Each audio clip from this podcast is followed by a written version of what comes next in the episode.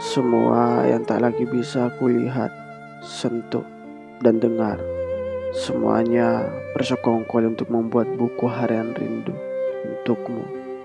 Jika sempat, serta mampu kau jangkau, bacalah.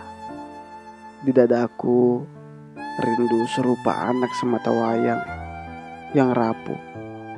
Terlahir dari keluarga sederhana yang sedang berada di ujung tanduk Ayahnya bernama Waktu dan ibunya bernama Ingatan.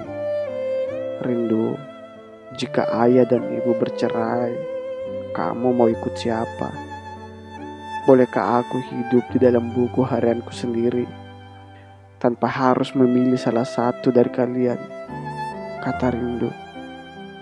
Memilih ayah dan ibu, ingatan dan waktu memanglah tidak mudah bagi Rindu. Jika memilih waktu, itu artinya rindu harus merelakan ingatan tentangnya, terhapus perlahan-lahan, dan digantikan oleh ingatan yang baru.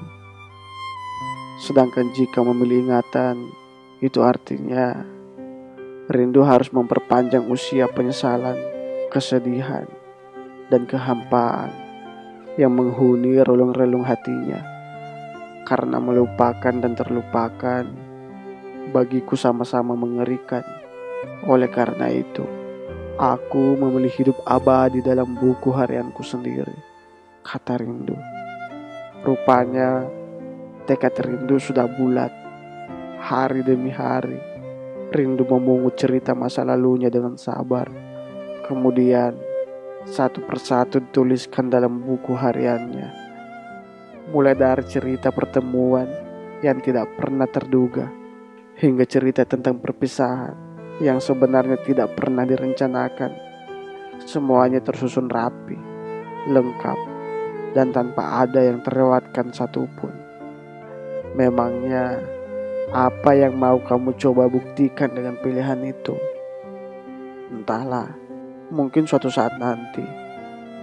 Entah kapan ketika hatinya dihantui penyesalan dan pikirannya merasa tersesat tidak tahu arah jalan pulang ke tempat yang seharusnya dia tempati. Aku yakin buku harian rindu ini bisa sedikit membantu ingatannya. Semoga